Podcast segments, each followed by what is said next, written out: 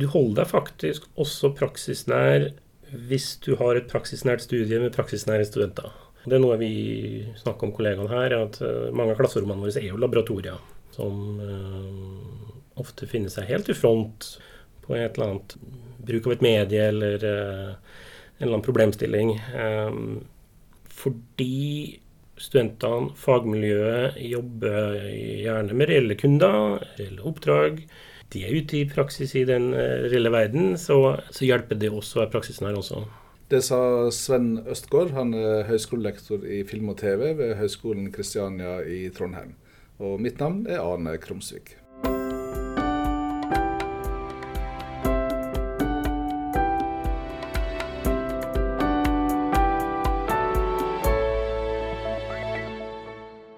Det burde gjelde egentlig alle, eller så mange utdanninger som overhodet mulig. Eh, å, komme seg ut i praksisfeltet, eller få praksisfeltet inn i skolen. Og det er flere måter å gjøre det på. Eh, ordet praksis eh, er jo i Springer med en gang opp. Og det er noe førstehånd med det studiet jeg har eh, administrert noen år nå, da, eh, ser veldig verdien av. Eh,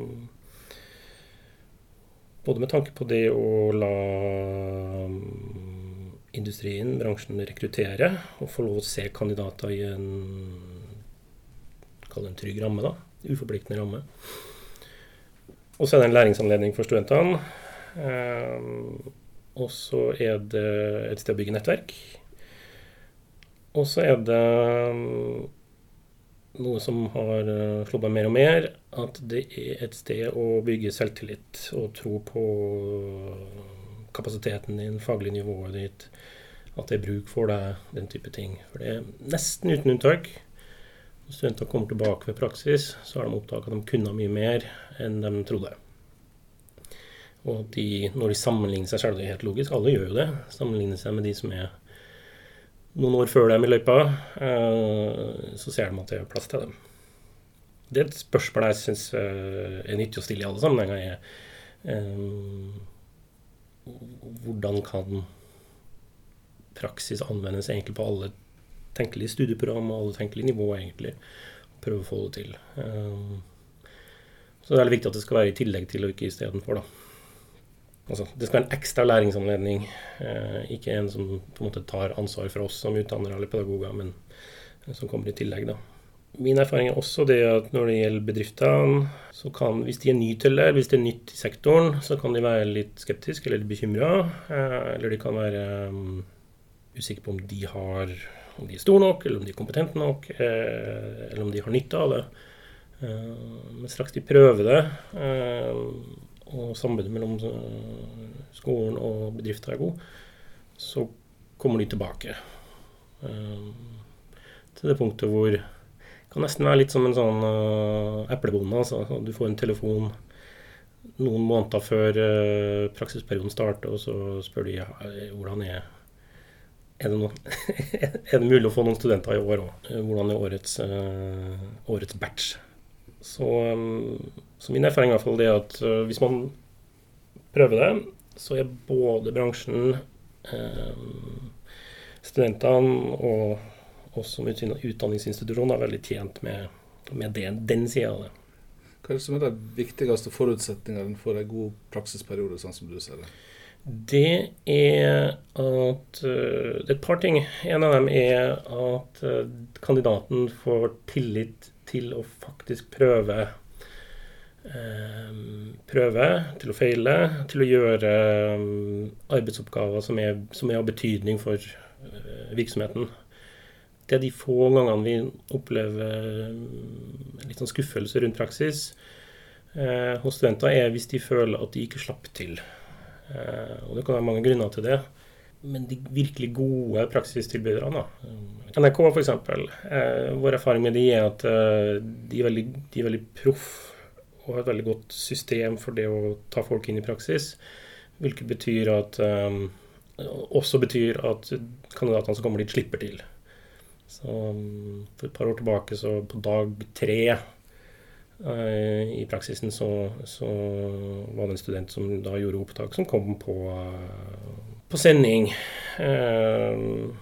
I det tilfellet var det da Newton, da, ikke sant, som hundretusener av seere og, og, slipper til med en gang. Så det er en bit av det. At det ligger så nært opp til et arbeids, normalt arbeidsforhold som mulig. Selvsagt med det er jo noen unntak der. Og så bør det være over tid, over nok tid til at um, en kommer under huden på stedet, og for så vidt stedet kommer under huden på deg. Og så er det mindre viktig, mener jeg, da, uh, om det er en stor bedrift eller en liten bedrift, uh, faktisk, uh, i forhold til om det blir vellykka. En, en, annen, altså en annen side som er verdt å nevne i en sammenheng, er jo det med som henger sammen om det om bedriften eller virksomheten er god på, på å ha kandidater. Og det er det å at man har gode avklaringer både overfor skolen og for studenten hvordan det her skal fungere. Eh, hva som er forventa. Eh, at det oppleves som et, et, eh, godt strukturert, seriøst opplegg. Det handler egentlig bare om å sette rammene, tror jeg. Uh, og at man i den perioden det føler seg som en, som en medarbeider. Da. Altså det skrives kontrakt, forventa mengde timer man skal jobbe. Uh, man praktiserer egenmelding, sykemelding, den type ting. Og vi har jo altså Studenter er veldig ulike. Noen jo, har jo vært i arbeidslivet, og kanskje det å ta en praksisnær utdanning i en, en omskolering eller i en ny karriere eller en videreutvikling. Andre kommer jo rett fra uh, videregående skole. Så for noen er jo det der en vesentlig del av læringa også. Uh, så en slags dannelsesperspektiv over det. da. utdannelse er det så mangt, og dannelse er en bit av det men at òg i den sammenhengen så, så um, har øh, vi som leverandører av kandidater, da, at vi har øh, såpass sterk tro på kvalitetene deres at vi, at vi stiller veldig klare og tydelige krav overfor de som, øh, som skal være så heldige å få dem i praksis òg. At vi har den inngangen til det også, også viktig. Um, da kvitter man seg med de veldig få useriøse aktørene som er. Spillvannet går, rett og slett. Mm. Jeg har sett um, statistikken til Høgskolen Kristiania at det, det, er veldig mange av uh, studenter som får jobbtilbud fra der de har vært i praksis. Er det viktig for studentene der og da? Det um, er viktig for en god del av dem. Um, helt klart, vi gjør en forventningsavklaring og en sånn ambisjonsavklaring på, eller i semesteret før de skal i praksis, hvor de skriver om eh, hva de er interessert i, og hva de håper å få ut av praksisen. Og jeg vil tippe at noe rundt halvparten setter det veldig høyt, kanskje øverst, på, eh, på sin prioriteringsliste, at det skal kunne føre til arbeid. Um, men det er ikke hele historien. Det er også de som sier at uh, jeg vil ha en praksis eh, som eh, er langt unna det jeg skal gjøre, eh, for, å, for, å, på en måte gå bredde heller enn i dybde. da. Eh, eller at de eh, tenker veldig strategisk og tenker at jeg vil være i praksis i en virksomhet som det gjelder jo alle fagfelt som er, er veldig faglig dyktig, f.eks., som man ønsker å ta med seg noe og kanskje bruke i en annen sammenheng de er veldig flinke å tenke strategisk, iallfall, rundt det her. Um, hva de ønsker å få ut av det. Og, um, og, vi ser jo at det fører jo til jobbtilbud og arbeid og ansettelser. Um, så det fungerer sånn også. Du nevnte at uh, arbeidslivet også kommer, kommer, inn til høyskolen og, og, og rekrutterer. Hvordan foregår det? Jeg tror det er litt ulikt i ulike bransjer, kanskje, hvor smart de er bedriftene og virksomhetene til å tenke at uh, vel, hvis vi skal ha de beste, og, så må vi, må vi, snakke om før noen andre gjør det. Um, og det å se, for, se på det å enten komme med caser, eller å gjøre gjesteforelesninger, eller å invitere studenter til virksomheten. Er, det er ikke bare en, liksom, å gjøre en tjeneste og en inntekt for virksomheten, men det er også en, profileringsmetode. Og en måte å gjøre seg selv attraktiv på. Men, uh, men, vi ser jo at en del har jo oppdaga det, og ser, på en måte, og ser verdien av det.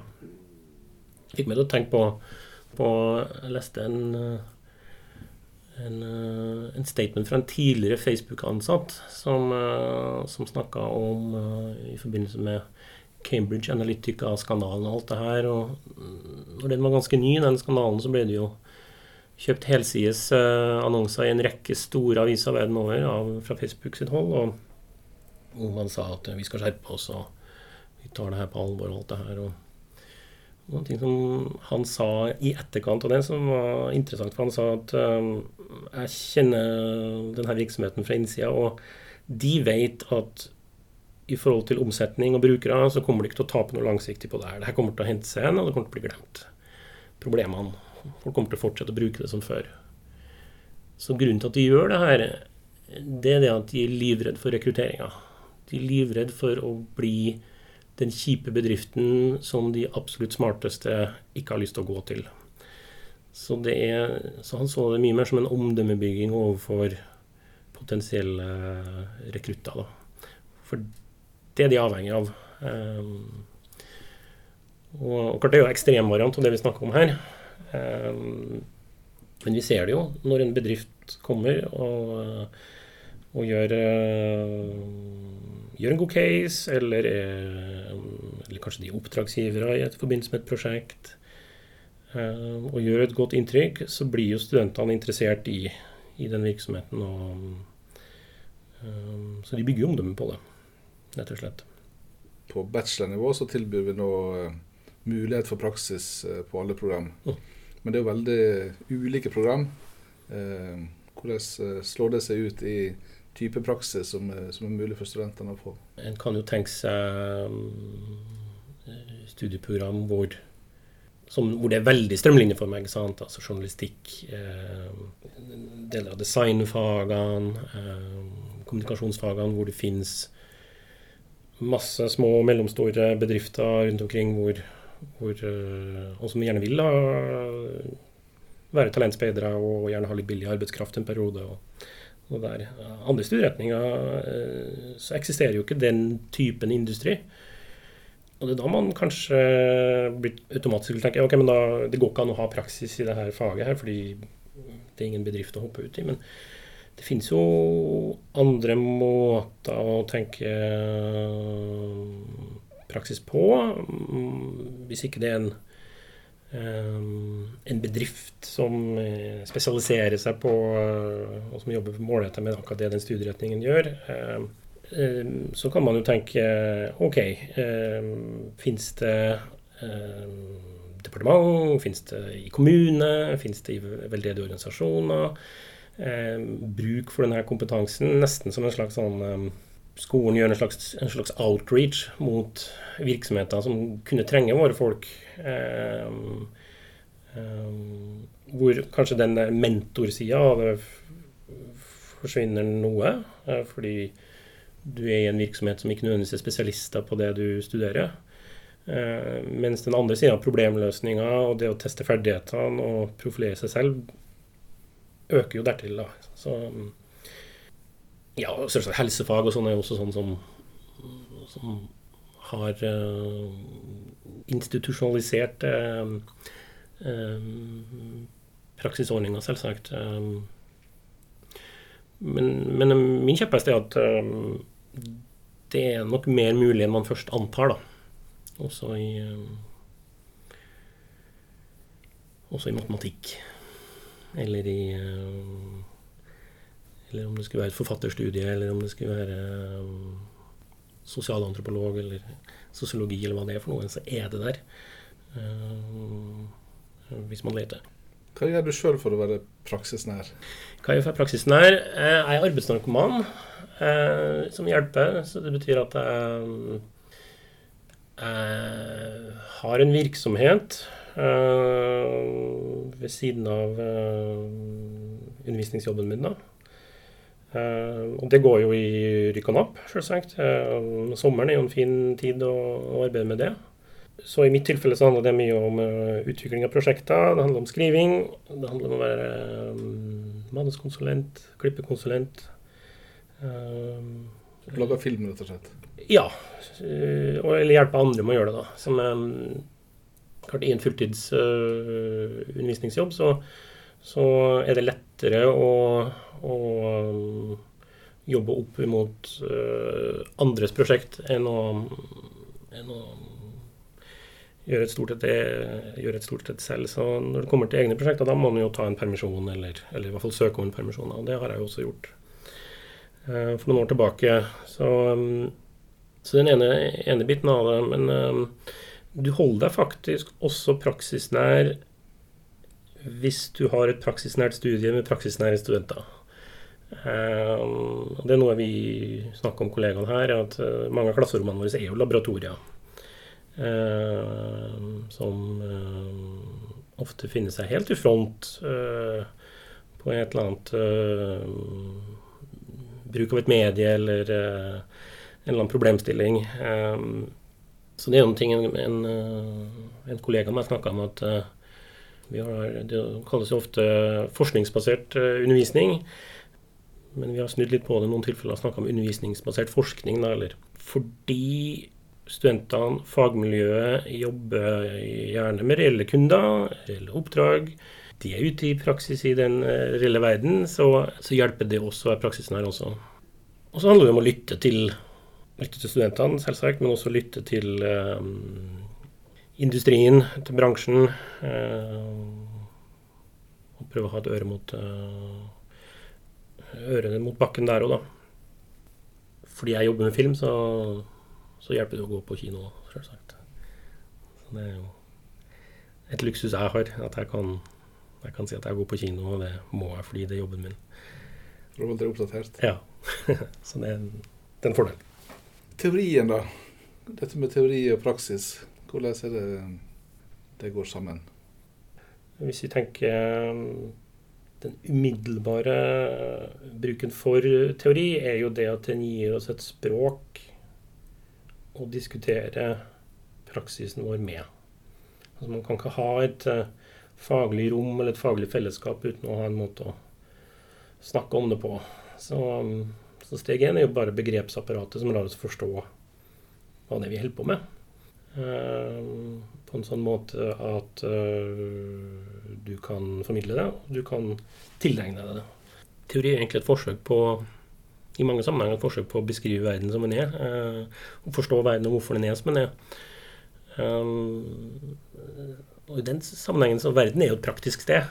Den er jo et fysisk reelt sted med sine fenomener og mekanismer og strukturer. Um, så, så, der har jo teorien en, en sterk plass det vi ofte Det i hvert fall jeg ofte finner meg sjøl i å gjøre, er at jeg, jeg har et behov for å argumentere for hvorfor akkurat det her stykket teori har relevans for de som skal være praksisutøvere. da. Eh, eller skal jobbe med det her i praksis. Mm. Og det kan noen ganger være et slags lakmustest på om, om det her er verdt å bruke mye tid på. Uh, om det er relaterbart til der studentene er på det tidspunktet de er. Da. Så um, jeg har lite forståelse for uh, ytterpunktene i den debatten der. Uh, de som sier at uh, fugler bryr seg ikke om ornitologer. På den ene sida sier bare 'la meg holde på med det jeg holder på med', jeg er ikke interessert i å forklare det eller diskutere eller drøfte det. Eller den andre enden eh, hvor jeg ser at eh, både for min egen del og for de som studerer nå, at, at sånn Å forstå en film, da, f.eks., eller forstå en eh, Å forstå hvorfor den fungerer som den gjør, da hjelper det å ha laga en film selv. Um, det hjelper å ha tilnærma seg fagfeltet mer enn rent intellektuelt. Eh, en annen ting er at all læringsteori forteller oss at eh, eller mesteparten av læringsteorien forteller oss at folk lærer på ulike ulike måter. Og at um, noen trenger å ha, ha det i handa og, gjør, og snu rundt på det for å forstå det. Og, og, det er deres inngang til det. Og noen andre vil uh, gå andre veien og lære om de generelle prinsippene, og så vil de prøve det ut, uh, kanskje i, i, praksis. Sånn at en, en god og inkluderende skole uh, som skal være Som har læring i fokus, da, mener jo jeg bør legge til rette for begge måtene. For da, da, legger man til rette for ulike måter å lære på. Så, så bare fra det perspektivet så, så, er det egentlig maktpåliggende å, ha en bred tilnærming, da, rett og slett.